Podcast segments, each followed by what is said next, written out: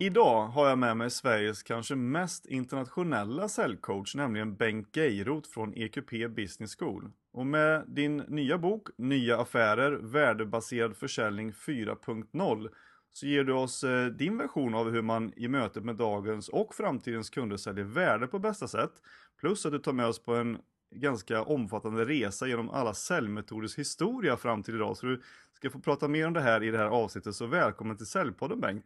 Tack så jättemycket. Eh, väldigt skoj att få vara med och eh, var glad att du sa kanske mest eh, erfarna. Det finns säkert ett antal till, framförallt internt. Men jag har haft en fantastisk resa. Jag har varit i 31 länder och föreläst på fem kontinenter och det har varit en otrolig erfarenhet. Och boken är jag naturligtvis... Ja, förlåt? Eh, nej, kör på du. Ja, nej, och boken är jag naturligtvis väldigt glad för också. Den eh, eh, var ett nöje att skriva och det känns som att den hamnar rätt, rätt rätt bra i tiden också nu. Jag ser att du själv har skrivit en del om motsvarande ämnen och eh, det händer ju väldigt mycket just nu på kommunikationsfronten, teknikutvecklingen och vi säljare behöver ju någon form av utveckling så att eh, det är en väldigt spännande tid att vara säljcoach, säljföreläsare och författare just nu. Ja, det händer jättemycket både eh, kunskapsmässigt och teknikmässigt. Ja. Vi ska komma in lite grann på det här snart. Men jag tänkte just det med internationell säljkurs. Det är liksom inte så många i Sverige trots allt som kan kalla sig för det. Men hur kommer det sig att det har blivit så mycket utlandsuppdrag för din del? Eh, ja, jag tror att det är som det mesta här i livet. Det handlar om en vilja och lust. Eh, jag har haft en enorm vilja och lust att komma utomlands. Eh, och det innebär att jag har ju aktivt letat efter den här typen av kunder. Jag jobbar helst med internationella kunder. Eh, bakgrunden är att jag är bra i engelska. Jag har bott två år i USA, jag har en akademisk examen ifrån Washington State. Ehm, så att jag har god erfarenhet av språket och känner mig väldigt trygg i att föreläsa på engelska. Eh, och sen är jag en, en person som är aningen orädd. Jag gillar tunn is och det får man när man står i Beijing eller i New York och föreläser för kineser respektive amerikaner. Det är häftigt. Eh, definitivt oerhört häftigt. Men hur skiljer sig, liksom, skiljer sig New Yorksborna mot eh, Beijingborna och svenskarna när det kommer till försäljning och viljan att träna sälj och sådär? Eh, här måste man ju vara väldigt försiktig så du förstår. Eh, när jag sålde in uppdraget eh, till Kina, eller Asien var det i första hand där, då, då frågade jag Kotti som kunden hette om eh, han tyckte att jag, om, jag, om, jag skulle an, anpassa min utbildning till kineserna och då tittade Mr Kotti lite trött på mig och sa Mr Geiroth det finns ungefär 1200 miljoner kineser. Jag tror inte du ska försöka. Eh, eh och det innebär ju alltså att eh, det jag har gjort har ju varit egentligen att genomföra en, en, en internationell standard, alltså baserad på huvudkontorets syn på försäljning. Och det gör att jag har inte försökt anpassa mig till gruppen på det viset utan jag har kommit dit som experten ifrån huvudkontoret.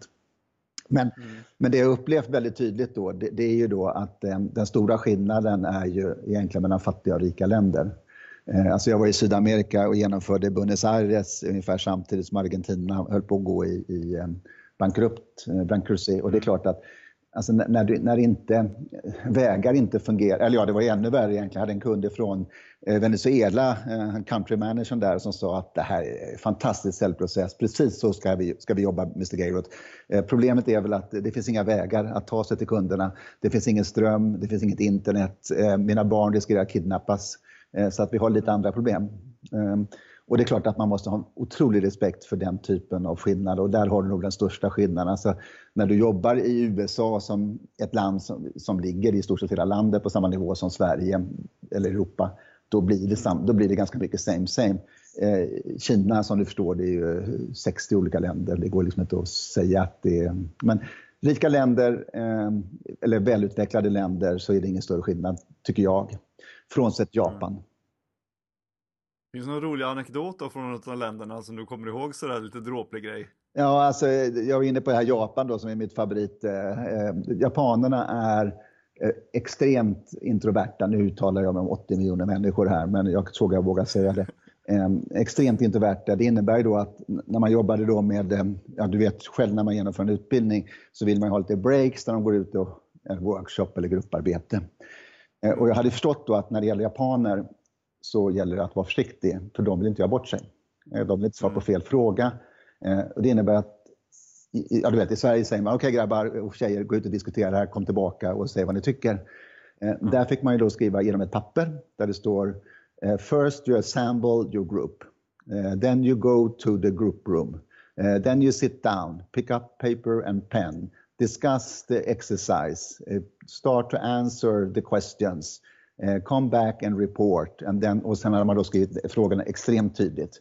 Och så delar man ut den här till Mr Ito och bara utdelningen innebär ju att du kan inte bara slänga över ett papper utan man ska titta honom i ögonen och hålla det på rätt sätt och det ska formellt överlämnas och han ska formellt ta emot och säga Ah, group work, excellent, thank you very much Mr Geirud-san. Och så gick han bort då och så efter ungefär två minuter kom han tillbaka. Och så stod han där och så sa han Mr Geirud-san, yes Mr Ito-san, should we first assemble the group? Yes Mr Ito-san. Should we then go to the group room? Correct Mr Ito-san. Should we then sit down? Ja, du förstår. Och går igenom hela uppgiften. Vet, första gången trodde jag inte var sant och sen var jag bara insåg att då har man definierat uppgiften och man har kontrollerat att man gör rätt uppgift. Sen börjar man göra uppgiften. Och den där proceduren kunde ta tio minuter. Ja, det är lite olika med andra ord. Det var, eh, jag var inne på det tidigare, alltså, eh, om du aldrig har varit i Japan, go there. Det är eh, för mig den största kulturskillnaden. Det finns säkert många andra länder som har, men för mig var Japan eh, en helt fantastisk upplevelse och en, för mig då som är väldigt extrovert, pratar lite för fort som ni märker, ni som lyssnar på mig här också med jämna mellanrum. Det var en otrolig träning i tålamod och om jag skulle levt om mitt liv så hade jag bott två år i Japan för att lära mig tålamodet och noggrannhetens principer. För det är de fantastiska där borta. Men du, vad, är det då med sälj som har fascinerat dig så i alla år? Ja, som många andra så snubblade jag väl egentligen in i säljyrket. Jag hade väl tänkt mig en karriär inom finansiella sektorn. Men av olika orsaker så eh, hamnade jag på det här och hade turen att hamna på ett företag som heter, eller heter Mercury International eh, och fick en otroligt bra grundutbildning inom försäljning och eh, det som jag gillar väldigt enkelt det är väldigt mycket tävlingsmomentet. Jag är en tävlingsmänniska och sälj är ju väldigt mycket en tävling med sig själv, mot sina kollegor, mot sin budget. Varje order är ju någon form av vinna försvinna, vinna förlora en situation. Eh, jag älskar att träffa nya människor. Jag är bäst, jag är en riktig hunter. Eh, jag har inga problem att upprätthålla gamla kontakter men jag är inte speciellt bra på det. Eh, utan det jag är duktig på det är att träffa nya människor, snabbt läsa in mig på vad är det för typ av samtal, möte de vill ha, vad är det de är ute efter. Ganska bra intuition kring om det funkar eller inte funkar där. Eh, mm. Och den påverkan som finns då framförallt när man ska sälja in sig själv som en ny leverantör eller få kunden att köpa mig som ny leverantör för att vi har ju diskuterat det här tidigare Mattias, att det handlar mer om att få kunden att köpa än att sälja kanske. Då. Mm. Men jag tänker liksom, för, eh, om man tittar på säljaren och den tanken, du, du, har ju skrivit om det här i boken också, men eh, för, för, en gång i tiden så var ju säljaren liksom en väldigt betydelsefull informationskälla för kunden och den har ju, det kan man säga, det har ju raderats bort mer eller mindre för all information finns ju tillgänglig nu. Men av det skälet då kommer vi att behöva säljare i framtiden? Och i så fall vilka? Ja, definitivt kommer att säljare att behövas i framtiden. Eh, du har ju helt rätt i att, eh, alltså att eh, i och med att information finns tillgänglig så förändras förutsättningarna för försäljning dramatiskt.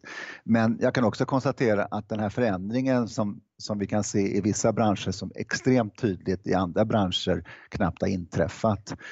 Så att om du som säljare där ute jobbar i en ganska konservativ bransch med eh, inköpare i 55-årsåldern så kommer det inte ske så förbaskat mycket tror jag de närmaste åren. Utan ehm, i, det här kommer ske på olika sätt då. Så att traditionell försäljning kommer om vi pratar 5, 10, 15 år säkert finnas kvar i ett antal branscher. I andra branscher kommer det att försvinna eh, och den kommer att försvinna och det här är du medveten om, säkert många av ni som lyssnar också, att Eh, vi kan ju säga, vi kan konstatera att det kommer finnas två stycken tydliga säljprocesser. Den ena är en transaktionsförsäljning. Det innebär att precis som du gör i privatlivet, en hel del av försäljningen kommer gå via webben. Ehm, mm. Informationen finns tillgänglig, säljare kostar bara pengar. Eh, kunden köper inköpen själv. Mm. Och sen har du den mer komplexa försäljningen då, där jag jobbar och eh, där min bok handlar om. Det är ju då där köpet är någonting som bara sker ibland för kunden, det vill säga att kunden inte är kunnig på det här området. Det är viktigt inköp för kunden. Alltså så fort du jobbar med någonting som är strategiskt för kunden så kommer kunden att vara beredd, precis som du är i ditt privata liv, att trots att informationen finns tillgänglig så vill du ändå ha second opinion, du vill ha en förtydligande, du vill ha exempel, du vill ha erfarenheter. Eh, och den typen av försäljning, där kommer det finnas säljare i framtiden också. Mm. Eh, sen tror jag, jag läste din artikel här i, tidningen Säljaren där, att, att eh, det, det, här alltså att fokuset på kunden kommer ju bli den stora skillnaden. Så att om du frågar mig, vilket du gjorde då, vad är det för typ av säljare som kommer lyckas? Så är det ju då säljare som förstår att det är kundens situation som är mer intressant än mina produkter och mina lösningar. Mm. Du gör ju i din nya bok då, Värdebaserad försäljning 4.0, en, en eh, stor översikt över hur sättet att sälja har sett ut från 1900-talets början och fram till nu. Och hur har egentligen den här utvecklingen varit? Och, och det är ju massa säljmetoder också som kan stoppas in i de här respektive historikens, mm. historiska grejerna. Ja, det har ju hållit på med försäljning ett antal år som du förstår och eh, jag tillhör ju de som läser väldigt mycket säljlitteratur och har ett intresse av att förstå, eh, inte bara att liksom, ta till mig metoder utan verkligen förstå orsakerna till dem. Och det gjorde mm. att jag tyckte det var kul att gå tillbaka i historien. Så att, eh, vad jag gjorde var att jag tittade och, och, då kan man ju se att det har funnits, och det här är kopplat till 4.0 som boken heter. Alltså, känner du till vad Industri 4.0 är, Mattias? Eh, ja, jag tänker att det är väl data, att man, eh, insamlingen av data gör att man får helt nya typer av eh, eh insikter och tekniker och möjligheter att utvecklas. Helt rätt. Eh, alltså begreppet Industri 4.0, den fjärde industriella revolutionen, är ett uttryck som Agneta Merkel Eh, har tagit fram då och den tyska regeringen satsar jättemycket pengar på. Och den bygger då på att vi har haft fyra revolutioner och den första var ångmaskinen och sen kom elektriciteten, massproduktionen, sen kom elektroniken, IT och nu så är vi inne i en situation där vi pratar om den smarta fabriken. Allt är uppkopplat. Eh, maskiner pratar med maskiner, produkter pratar med konsumenter, ditt kylskåp pratar med dig så småningom och du får inköpslistor det är internet of things. Det händer otroligt mycket där. Mm. Och då tyckte jag det var kul att koppla det till försäljning och se, okej, okay, om, om, nu industrin eller överhuvudtaget samhället har utvecklats, vad har vi gjort? Och då hittade jag fyra stycken steg här eh, som eh, jag kunde se har eh, haft en utveckling inom försäljning. Mm. Och de stegen är då från början den började, första var ju som du var inne på katalogsäljaren. Ja. Alltså, säljaren hade all information, kunden hade ingen information. Eh, säljaren berättade, kunden köpte.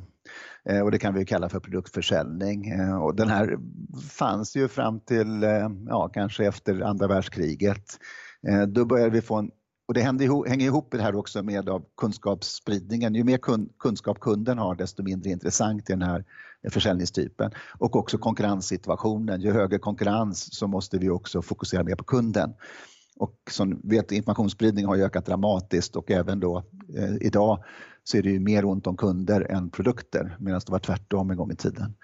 Så att eh, det första var produktförsäljning, sen kom då vad jag kallar för behovstillfredsställande försäljning, det vill säga att vi fokuserade mer på kunden, vi började ställa frågor på ett helt annat sätt. Sen kom det som de flesta säljare jobbar med som är solution selling eller lösningsförsäljning. Mm. Eh, som egentligen då, och det är lite kul för jag tror inte alla vet det, det handlar ju egentligen om eh, att man, eh, har, att man jobbar med problemorienterad beskrivning. Det vill säga att eh, det handlar om att identifiera kundens eh, oupptäckta eller upptäckta behov, eh, problem.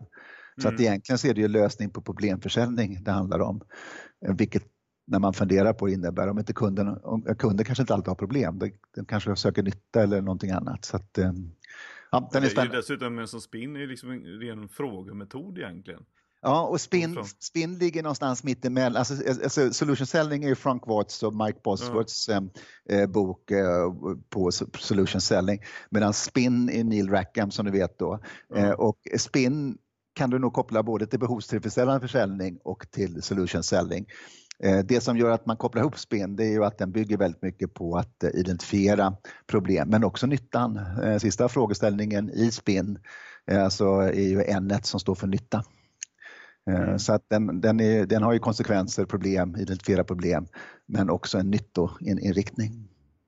Men då kan man titta så här, om man då tror sig själv vilken, vilken typ av säljmetod liksom som man anser sig själv hålla på med. Om det är produktförsäljning, behovstillfredsställande försäljning, lösningsförsäljning eller eh, som vi ska komma in på snart, och ja. värdebaserad försäljning. Eh, för vilka säljmetoder eller tekniker kan man säga eh, finns i till exempel produktförsäljning? Jag tänker att det är den typiska AIDA-modellen och EFV och eh, Helt man fick lära sig som början, ja. traditionella säljmetoder. Ja, och du kan ju också säga att alltså, står du på Kiviks marknad eller står på en, en, en, eh, en eh, butik, vet du, mål i Sverige eh, där du snabbt ska fånga uppmärksamheten, där du inte kan ställa frågor till kunden för kunden är på väg någon annanstans, då finns ju den typen av försäljning kvar. Ja. Alltså att eh, ont om tid, enkel produkt, kund inte intresserad av att svara på frågor. Då har du fortfarande produktförsäljning och helt rätt, egenskap, fördel, värde, EFV eller EFI eh, är mm. ju grundformen. AIDA, glad att du nämner den, det är ju en av mina favoriter och den har jag tagit med mig in i värdebaserad försäljning. AIDA, för er som inte känner till den, eller AIDAS säger många också, mm. Attention, Interest, Desire, Action, alltså att först fånga Mattias uppmärksamhet, skapa nyfikenhet, få honom att önska sig att köpa min bok eller att köpa mina lösningar och sedan också action då, att uh, se till att det händer. Uh, mm. Så AIDA är väl i mina ögon en av de mest geniala metoder som finns, eller metodiker.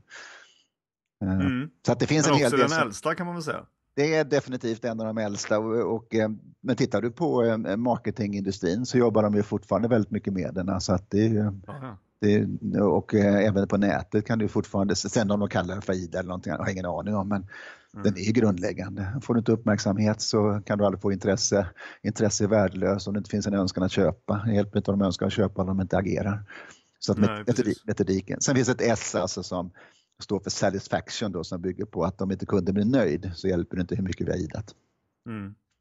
Sen kom jag själv på när jag läste boken att den här PSS, Professional Selling Skills, ja. som då hamnar inom behovstillfredsställande försäljningar, ja. eh, den gick ju jag i början på 2000-talet.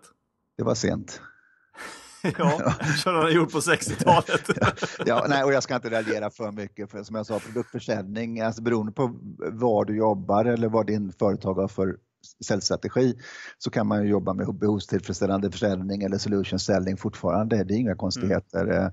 Men eh, det förvånar mig nog att man på 2000-talet eh, Säg, säg, lite om läkemedelsindustrin kanske. Jag har ingen aning om det, men eh, det, det, ja, det, och sen, sen, sen, ska du ha klart för dig också att det, det är många som använder uttrycken eh, och sen så, är det ju liksom, så går man inte tillbaka då till den, den klassiska metodiken utan man, man, tar någonting som låter bra. Solution selling är typexemplet. Det finns säkert 36 olika varianter på solution mm. selling mm. eh, och alla hade inte Watts och Bosford uppskattat. Nej, precis. Och alla har väl lärt sig DABA också. Eh, Ja, det hoppas jag, för det är min, eh, den är jag är uppväxt med. Eh, för er som inte känner till det så är det ju Mercury eller Heinz Goldmans egentligen eh, metodik någon gång från början på 50-talet som bygger på att man definierar behov, tar accept, bevisar och tar acceptbeviset. Eh, Enkel... Det gick jag också på 2000-talet kanske. 56 tror jag Heinz, Heinz började med det där. Så att, ja. ja, vissa saker överlever sig själva. Ja, och sen, och jag tror att du såg det i min bok också, jag är ju rätt stolt över att man, att, eller jag, alltså det är same same och different. Jag har ju med mig lite AIDA, jag har med mig lite DABA, lite SPIN, lite solution selling eh, kryddat med provokativ försäljning och insiktsförsäljning i värdebaserad försäljning. Så att all utveckling bygger ju någonstans på att ta med sig det bästa, det som fortfarande fungerar eh, ifrån historiken. Eh, jag tror att du såg att jag pratade om Hunters och Farmers som, är mm. något, eh, som, är alltså, som kom på slutet på 1800-talet där man inom USA hade upptäckt att säljarna, försäkringssäljare på den tiden när de fått upp en tillräckligt stor kundvolym så ägnar de mer tid att hantera in, insamlandet av pengar än att sälja nytt. Och då mm. sa man att det verkar inte så smart att använda våra duktiga säljare på att inte sälja. Och så delar man upp dem då i olika. Och jag kan ju säga att jag jobbar ju fortfarande med den tänket eh, när jag träffar nya kunder. Alltså att väldigt många av dem jag jobbar med, eh, säljare, eh, använder för lite tid åt att sälja och för mycket tid åt att hantera kunders problem och, och, och vara egentligen servicepersoner. Så att en av mina stora framgångs... så att, ja, den metodiken finns ju fortfarande. Så att, eh, ja, allting bygger på det gamla och eh, sen gäller det att krydda, anpassa och, och se vad som händer i, i nutiden. Mm. Du har varit inne på några av de här metoderna då, inom just själva begreppet värdebaserad försäljning. Men, men skulle du vilja dela upp dem eller specificera dem eller är det en, liksom en mix av lite av här och lite där? Alltså om du, all försäljning bygger på att ett möte med kunden och det innebär ju då att eh, frågemetodik som finns i DABA och SPIN eh, är ju grundläggande för att förstå kundens situation. Tar du solution selling, fördelen där är ju att man verkligen kör konsekvensfrågor och identifierar smärtan eh, i kunden. Eh, så de tre delarna har jag definitivt med mig det nya då som vi inte har pratat så mycket om, det som kom någonstans i början på 2000-talet och, och handlar om värdebaserad försäljning. Eh, där kom det först, som jag uppfattade eh, att man då eh, gjorde kalkyler. Jag vet inte om ni behövde göra det inom läkemedelsindustrin, men alltså att man försökte räkna hem eh, en, en investering eller en, ett inköp. Det var ju uppenbart vad det kostade, för det stod på prislappen, men vad är det för intjänande, vad är det för undvikande av framtida kostnader? Mm. Så värdebaserad försäljning som, som, som, som ligger i tiden nu tycker jag då, där har man ett mer större fokus på eh, att man kan eh, förstå nyttan och värdet för kunden. Eh, och då har man ju då eh, dels de här kalkylerna som jag pratade om och sen en väldigt spännande del som vi kanske ska prata lite grann om också, den provokativa försäljningen. Den mm. framåtlutade försäljningen, den Trump, Trump-artade försäljningen. Mr Trump är väl antagligen någon form av världsmästare på, provokativ försäljning. Utan släng ut det vad som helst och, och få kunden att förstå det. Ja, är, är det en svensk, the Swedish way to do it så att säga? Ja, alltså provokativ försäljning funkar inte i Sverige. Eh, det har jag väldigt svårt att tänka mig att, eh, du var inne på det själv också, att, eh, att gå in och berätta för kunden att de har fel och sen berätta hur bra vi är. Det, alltså det är ju en väldigt produktorienterat sätt att sälja. Men det finns väldigt mycket spännande inom provokativ försäljning för den bygger på kunskap och insikt. Alltså du kan inte vara provocerande eller framåtlutad om du inte verkligen vet vad du pratar om. Alltså, eh, det förutsätter ju egentligen, eh, de som jobbar med Challenger Sale och det finns några stycken, det kanske inte så många, men de som gör det framgångsrikt, de har ju också förhoppningsvis skaffat sig en djup förståelse för hur kunden jobbar idag, vilka problem och utmaningar kunden kommer ha imorgon och hur de redan idag kan hjälpa dem att fixa det här. Mm. Eh, så att the Swedish version of av eh, provokativ försäljning eh, är väl kanske då mer insiktsförsäljning eller värdeskapande försäljning som jag pratar om. Mm. Eh, vi pratade lite grann tidigare i poddavsnitt om det här med, med challenge och insights. Att det krävs ju ganska mycket av säljare då. Och man får liksom annan roll och kanske också ibland befogenheter man behöver ha för att kunna ge de här typer av utmaningar och insikter till kunden och, och ganska mycket informationsinhämtande för, innan. Liksom. Ja, jag skulle säga att det ställer väldigt stora krav på hela företaget. Alltså du måste mm. ha en marknadsföringsavdelning som går ut och gör undersökningar eller som är extremt uppdaterad om man ska följa boken eller metoden eh, helt och hållet.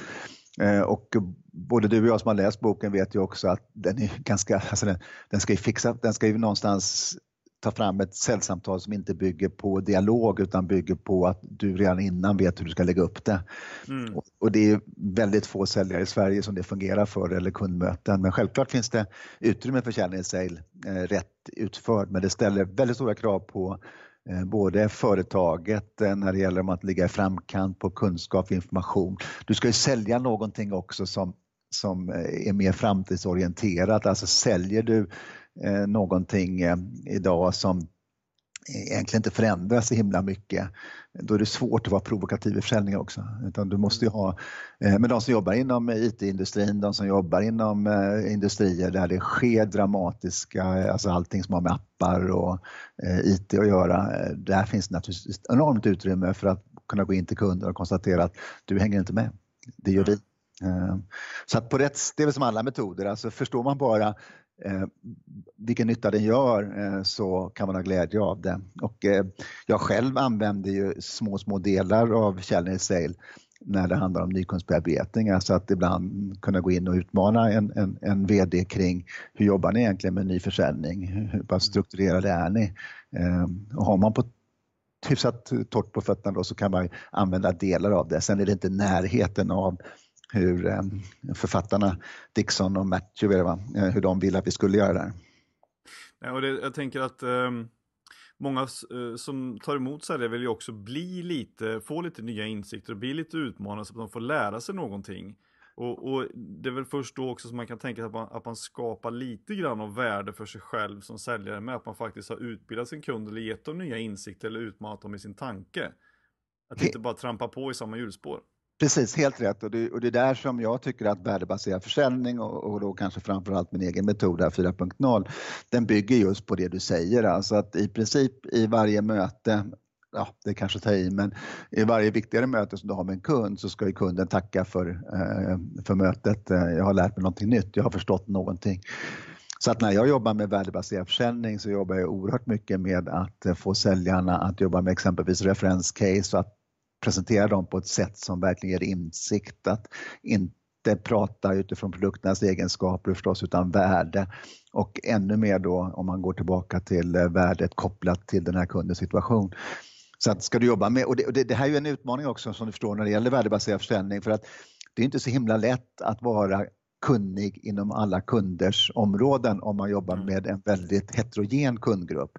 Alltså där jag har jobbat med mest framgångsrikt, då har man ju också segmentbaserat försäljningen.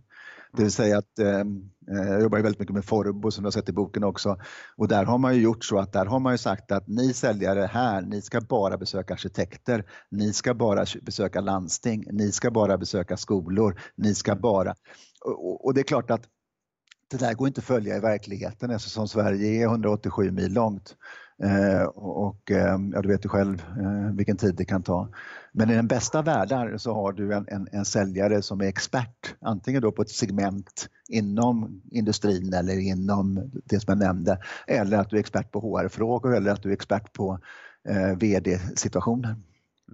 Mm. Eh, så tänker jag så att, att, att säga att, menar, att man tillför värde, alltså värde det låter ju liksom vad ska man säga, det, det, är ju självklart för många kan man tycka att det tillför ett värde. Men vad är egentligen ett värde för kunden?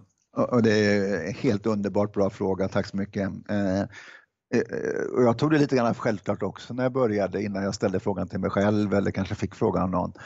Eh, och eh, eftersom jag är konsult nu, när jag får frågan så brukar jag vända den och, eh, till en fråga till kunden och så brukar jag ställa frågan då till kunden. Du kära kund, eh, ett sätt att illustrera det här är att fundera på vad var det senaste du sålde?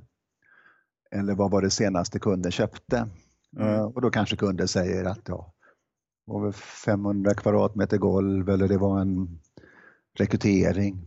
Bra att säga. Det är ett produktorienterat svar. Mm. Det finns inget värde i det. Eh, för det kunden köpte var ju naturligtvis inte fem, ja det finns naturligtvis kunder som köper 500 kvadratmeter golv men om vi pratar om värdebaserad försäljning då är det transaktionsförsäljning. Eh, men om du, om du säljer värdebaserat då har du funderat på vilket värde tillför det här och då köper kunden förmodligen en bättre pedagogisk miljö, eh, ett bättre kontor med samarbetsmöjligheter. För det är ju det som när kunden sitter och tittar på sin skolsal så tänker de inte på hur golvet ska se ut utan de funderar på hur kan vi göra detta till bästa möjliga pedagogiska eh, miljö? Vad kan vi göra för att använda, naturligtvis inte bara golv utan golv är ju en del i det hela. Eh, och det är det här som är värde, alltså när du svarar utifrån vad var det egentligen kunden köpte, då har du förstått värdet. Och där i ligger, och det kan låta smått, det kan låta litet, men när man verkligen förstår det här, då jobbar man med värdebaserad försäljning. Eh, och om kunden inte är intresserad av den typen av diskussion, nej, då blir det transaktionsförsäljning. Då köper kunden på pris, eh, den som snabbast kan leverera eller snabbast svara, fine, jag köper dig. Eh, men eh, när det är värde, då är det kunden, köper ju kunden någonting eh, som verkligen tillför någonting till deras strategi eller till deras eget erbjudande. Mm. Finns det någon koppling, tycker du, mellan värde och känslan som personen får av att förstå egentligen vad man ska ha den här grejen till. Ja, eller kunskapen säger jag. Jag är mm. lite mer eh, krass, men eh, svarar jag. Det är säkert samma sak vi menar. Eh, alltså att om kunden, alltså jag är ju tennisspelare då och det är klart att när jag ska köpa ett nytt tennisracket som är en viktig grej för mig och jag får prata med en, en, en person som kan verkligen beskriva innebörden eh, i att det är strängat på det eller det viset, att det har den och den vikten. Inte bara att den har den och den vikten, för det fattar jag också, det står ju på eh, internet då. Men mm. Benke, med tanke på att du spelar ganska defensiv försäljning, du bygger ditt spel på att ha en, en bra forehandloop, då innebär då får du nyttan. Och då får jag insikten i att det här racket, jag kan fortfarande välja mellan racket A och B, men då har du kopplat värdet, nyttan till just min situation och jag tycker att jag är unik. Eh, och du har ju säkert märkt att de flesta av dina kunder tycker att de är unika också. Ja, alla är väl det. Ja, eh, och, och, det är den här, alltså, men, men med värdebaserad försäljning då räcker det inte att kunden tycker att den är unik utan kunden ska också ha ett stort intresse och se nytta i det här. Och, och tennis kanske är ett dumt exempel men för, dig, för mig så lägger jag mycket mer tid på att köpa tennisracket än att när vi la stengolv här i entrén. Eh, mm. För det bryr jag mig inte så mycket om. Utan det. Jag tänker att må många använder ju också ordet mervärde. Mm. Eh, att eh, vi säljer ett mervärde till kunden. Men, men kan man, vad, vad innebär i så fall mervärde och kan man egentligen sälja ett mervärde? Eh, eh vi, vi hade ju lite försnack och du eh, nämnde det där och jag har fått den frågan och så jag var tvungen att slå upp det. Vet du vem som har började prata om mervärde? Nej. Marx Karl Jaha. Marx, det är det kapitalistiska produktionssättet, det är mervärdet som uppstår mellan produktion och kapital. Ehm, så att det här är en, en filosofisk fråga. Ehm, jag har försökt, alltså det som, det som jag har uppfattat, vi kan släppa Marx, det var mer en, en kommentar. Mm. Men när, eh, vad jag har uppfattat när säljare har blivit lärda att sälja mervärde är någonstans att man ska tillföra ett metavärde, att man ska få kunden att uppleva ett större värde än vad det är. Mm. Eh, och det är inte jag så intresserad av för att jag är mer intresserad av att det verkligen finns ett praktiskt värde.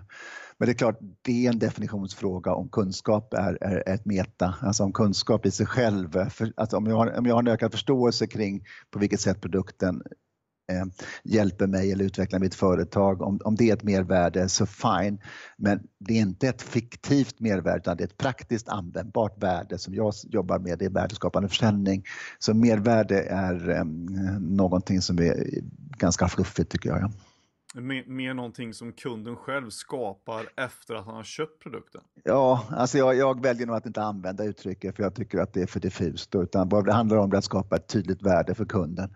Eh, och den här kunden, kunskap, det här värdet kan ju vara då alltså att man har ökad förståelse för hur man kan utveckla sin produktion eller hur man kan få bättre miljö, vad det kan vara. Och mm. att man också har en lösning på detta. Eh, det är det jag är ute efter. Mm. Men vilka egenskaper eller kunskaper då tycker du krävs av säljare för att man ska kunna sälja värde? Ja, alltså utöver de sedvanliga som vi inte behöver diskutera så är det ju det här eh, den stora utmaningen och det är det som kommer göra att det kommer ta tid för säljare att bli duktiga på värdebaserad försäljning för att det krävs alltså en större insikt och kunskap i kundens affär än vad de flesta har idag. Eh, och där kanske jag provocerar och utmanar, men det ingår i den provokativa försäljningen.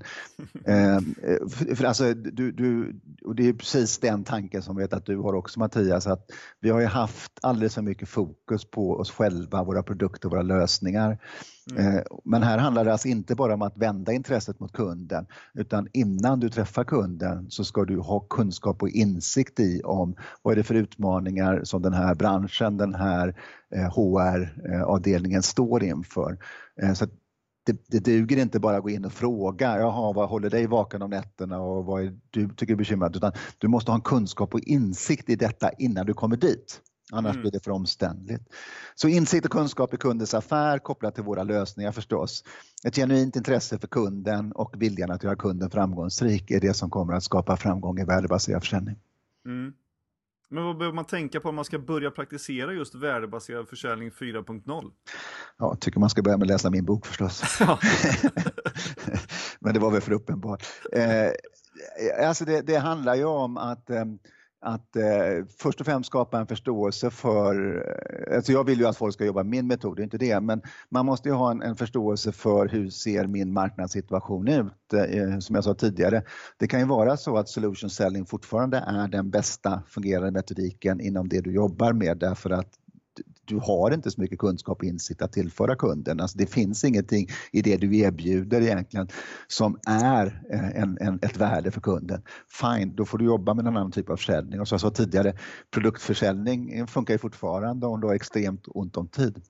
Eh, så att värdebaserad försäljning börjar med att man känner att eh, kunderna säger att ah, Mattias, jag vet inte om jag har tid att träffa dig, det är så mycket nu. Alltså när man känner att man börjar få ett motstånd ifrån kunderna att träffa oss, när man känner att kunden inte ser så hemskt inspirerad ut eh, efter ett kundmöte, eh, då är det dags att börja jobba med värdebaserad försäljning eh, för att annars kommer du inte att få träffa kunden igen. Eh, men om inte kunden, om kunden är nöjd med de besök du har och alltihopa funkar, då, då kan man väl förmodligen fortsätta några år till med det man håller på med. Men det jag märker väldigt mycket ute på marknaden det är ju att kunderna blir mer stressade, de vill inte träffa oss, de vill att vi e-mailar information eller att vi kommunicerar på något annat sätt. Då. Och, eh, där är värdebaserad försäljning nyckeln att få kunden, som professor Neil Rackham säger då, att de ska vara villiga att betala för kundmötet. Och, och det var en bra vision. Eh, alltså att när kunden säger tack så jättemycket Benke, det här, nu lärde jag mig något nytt eller nu har jag en ökad förståelse eller nu förstår jag liksom vad det är vi ska definiera, hur problemet är. Det, det är då du jobbar med värdebaserad försäljning och när du känner ett behov av att, att komma förbi en ointresserad kund, en, en kund som inte har tid att träffa dig, då ska du tänka värdebaserad försäljning. Mm. Puff, det var väldigt långt. Var det svar på frågan? Ja, det tror jag. du skriver ju även här i boken om, om, det som kallas för kundvärde då, och en kundvärdesanalys. Men, ja. men vad innebär det egentligen i praktiken då? Ja, det finns, det är ju också sådana här ord eh, som kanske är dåligt definierat eh, inom marknadsföring och försäljning, men det kommer ju egentligen från början från marketingsidan eller marknadsföringssidan. Eh, och eh, då kan man ju säga att, att, ibland så ligger det ju ovanför huvudet på säljare för att då är det ju egentligen ren affärsutveckling, produktutveckling.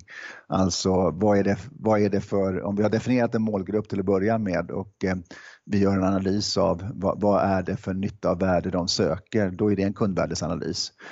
Eh, den typen av analys jobbar inte jag så himla mycket med för den ligger ju mer i, i marknadsavdelningen och jag vänder mig till säljavdelningen. Vad jag säger till säljarna det är ju att utifrån det ni har att erbjuda eh, fundera på och gör en, en kort beskrivning av vad är det egentligen för värden som kunden söker? Vad är det för utmaningar? Vad är det för problem? Vad är det för möjligheter som kunden eh, har eh, där ute? Eh, och på vilket sätt kan du koppla det här till vår lösning? Alltså tre frågor egentligen då. Varför kunden ska köpa din lösning överhuvudtaget? Vilka värden tillför du kunden? Och från kundens synvinkel, hur skiljer vi oss från konkurrenterna? På säljnivå så handlar kundvärdesanalys alltså om detta, att verkligen kunna svara på de här frågorna. Vad, vad tillför vi egentligen? Vad händer om kunden inte köper den här typen av lösningen? Eh, och varför ska den köpa oss? Just det. Det är som att göra en avatar nästan. ja, det är möjligt. Men, men, men, det här låter kanske enkelt då, men vet, jag jobbar och jag tror jag skriver i boken också om ett exempel med, jag jobbar med Wrigley's då som sålde tuggummi eh, mm. ett tag och sen insåg vi att det var ju ganska fånigt att sälja tuggummi, det var bättre att sälja lönsamhet. Eh, så vi jobbade med att sälja lönsamhet till eh, handeln och det funkade jättebra ända till vi insåg att vår definition av lönsamhet inte var exakt samma. Nej, den var inte tillräckligt bra kundbaserad ska jag säga. Det fanns vissa saker som var ganska uppenbart men eh, kunderna hade då deras definition och det, det var vi tvungna att göra, genomföra kundintervjuer för att förstå. Eh, för vi var så fångade i, vi förstod eh, att vi inte skulle sälja tuggummi, vi förstod att vi skulle sälja lönsamhet. Eh, vi förstod att vi skulle förstå eh, vilka eh, värdegrunder som en handlare har, men vi förstod inte dem till 100 procent. Och, och, det var en sån här riktig upplevelse när man i en kundintervju förstår att eh, det de tycker var viktigast det var eh, logistiken, alltså leveranssäkerheten. Och, och, vi tänkte att ja, men den är väl självklar, men nej. Eh, inte som de uppfattar den, eh, men som vi uppfattar den. Vi hade skickat iväg varorna tid, men de hade inte kunnat hantera den på rätt sätt när de tog emot den. Mm.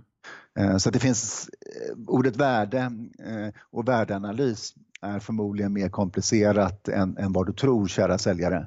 Eh, alltså att vi har en uppfattning kring vad är det vi tillför, men den är fullständigt värdelös om inte kunden delar den. Jag tänkte att vi skulle gå in på ett par praktiska saker då. Mm. Eh, eftersom många säljare genomför ju någon form av säljpresentation och du har ju säkert hört hundratals, kanske tusentals genom åren.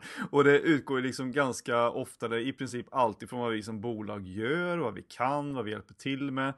Men hur skapar man en säljpresentation som utgår från kunden och som verkligen tillför värde?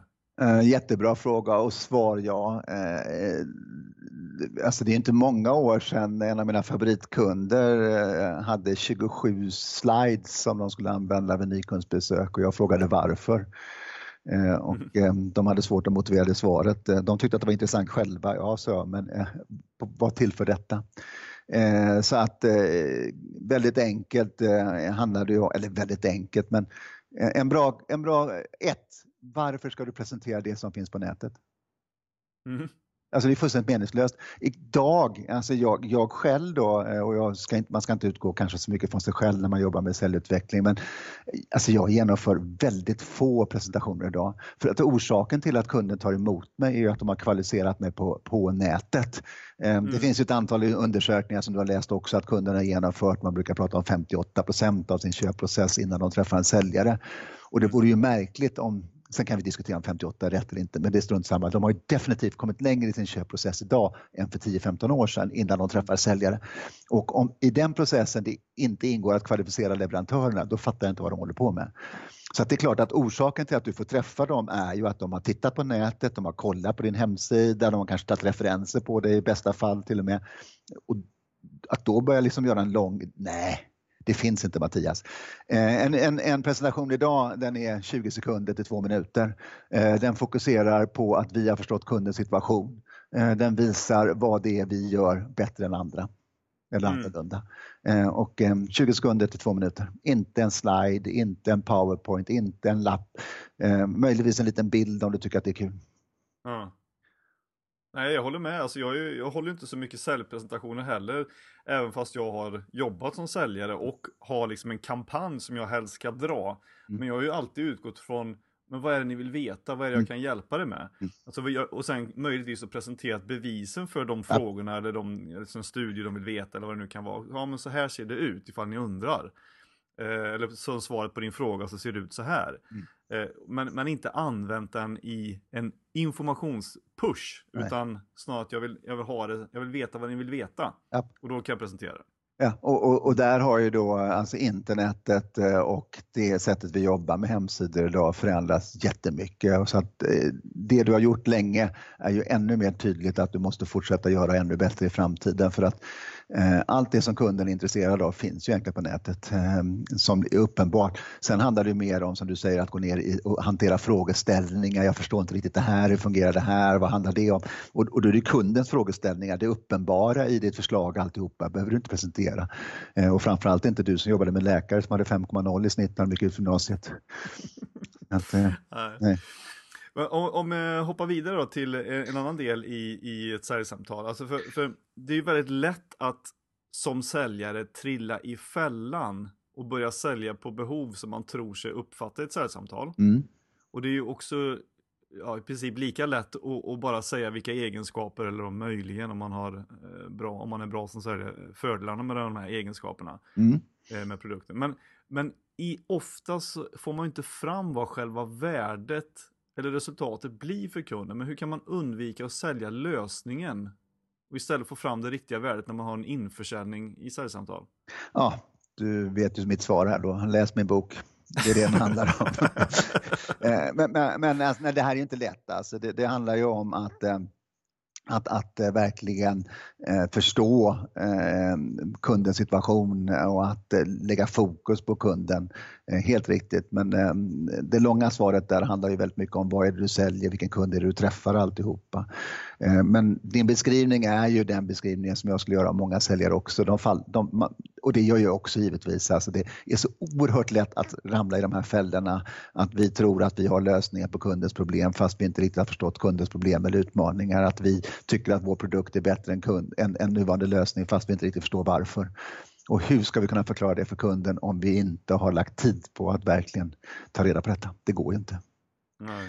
Så att, eh, nej, jag har inget enkelt svar på det utan det där är vad försäljning handlar om. Alltså, och svar ja, det är mycket lättare än vad du tror att falla den här eh, fällan. Att, eh, för det har ju att göra med alltså någonting jag skrev en bok också som handlar om förtroende, eller min första bok handlar om förtroende.